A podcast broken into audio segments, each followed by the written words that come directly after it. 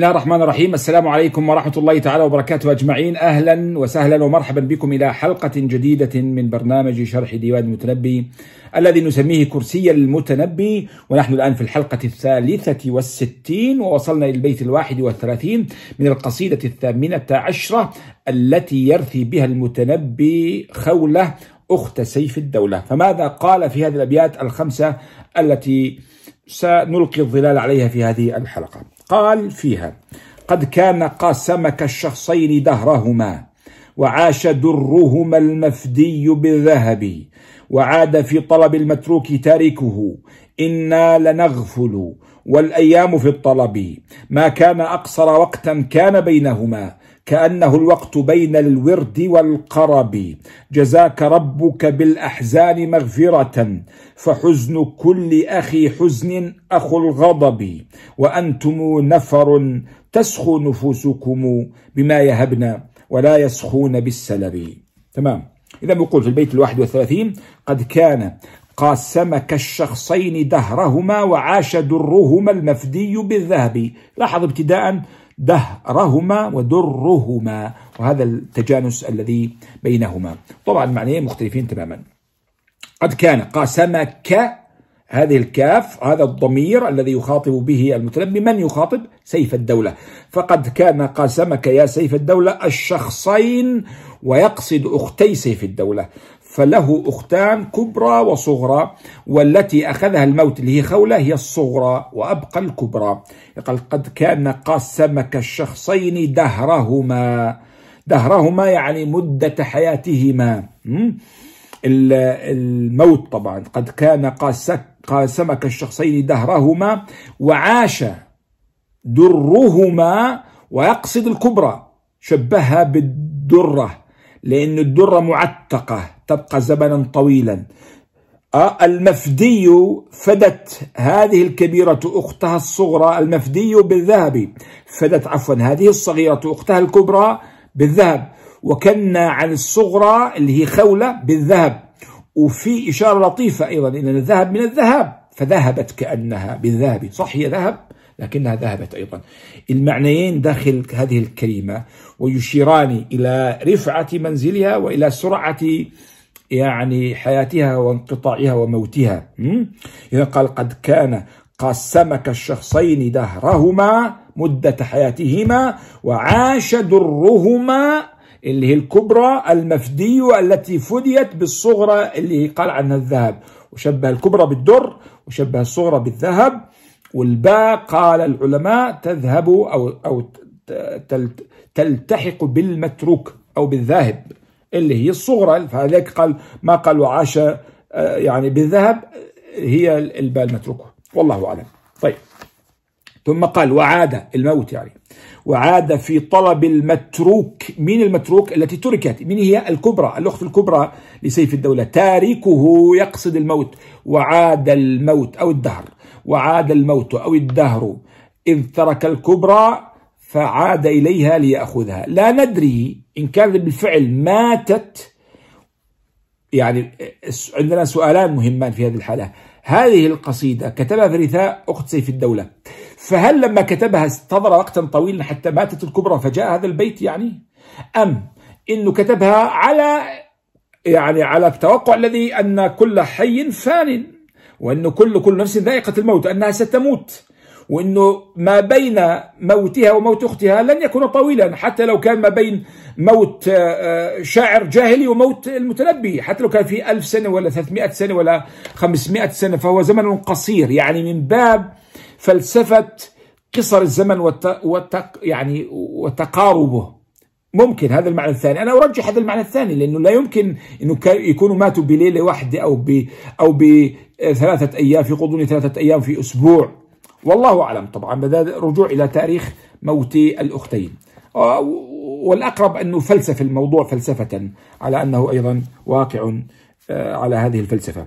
إذا قال وعاد في طلب المتروك تاركه يعني وعاد التارك وهو الموت في طلب المتروك وهي الأخت الكبرى. فما قنع بالصغرى التي أخذها الموت إنما عاد الموت مرة ثانية ليأخذ الكبرى. قال إنا لنغفل الإنسان غفلان. ما داري ها إنا نغفل والأيام في الطلب والأيام تطلبنا تركض وراءنا. ويقصد بالأيام الأقدار يعني ونوازل الدهر ومصائب الحياة والموت والأمراض والأيام في الطلب. إحنا نفكر نايمين يعني بدل ما يعني نقدم خيرا نغفل والأيام في الطلب والأقدار لاحقة بنا ستصيبنا يوما. وهذا معنى وعظي جميل. بأسلوب يعني لغوي فني راق. قال وعاد في طلب المتروك تاريكه.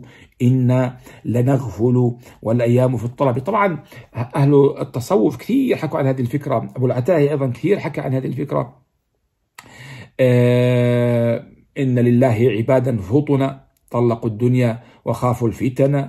نظروا الدنيا فلما علموا أنها ليست لحي سكن جعلوها لجة واتخذوا صالح الأعمال فيها سفنا. بعدين قال إيش آه، آه، يا من بدنياه اشتغل وغره طول الأمل الموت يأتي بغتة والقبر صندوق العمل. يا من بدنياه اشتغل هذا هو إنا لنغفل. وعاد في طلب المتروك تاريكه إنا لنغفل والأيام في الطلب. ثم قال في البيت الثالث والثلاثين ما كان أقصر وقتا كان بينهما. يعني واضح أنه ماتوا متقاربتين. بس يعني القصيدة كتبت بعد زمن من موتها يعني لا ندري كم هي الوقت القريب. هو قال ليلة في الشطر الثاني بس كيف؟ ربما. قال ما كان أقصر وقتا كان بينهما. يعني الوقت الذي زار الموت فيه كليهما كان قصيرا ما بينهما. كأنه هذا تشبيه كأن الموت حين لحق بالكبرى بعد أن أخذ الصغرى كان قصيرا مثلما أو كأنه الوقت بين الورد والقرب. كأنه الوقت بين الورد والقرب والورد أن ترد الإبل على الماء والقرب هو السير في الليل.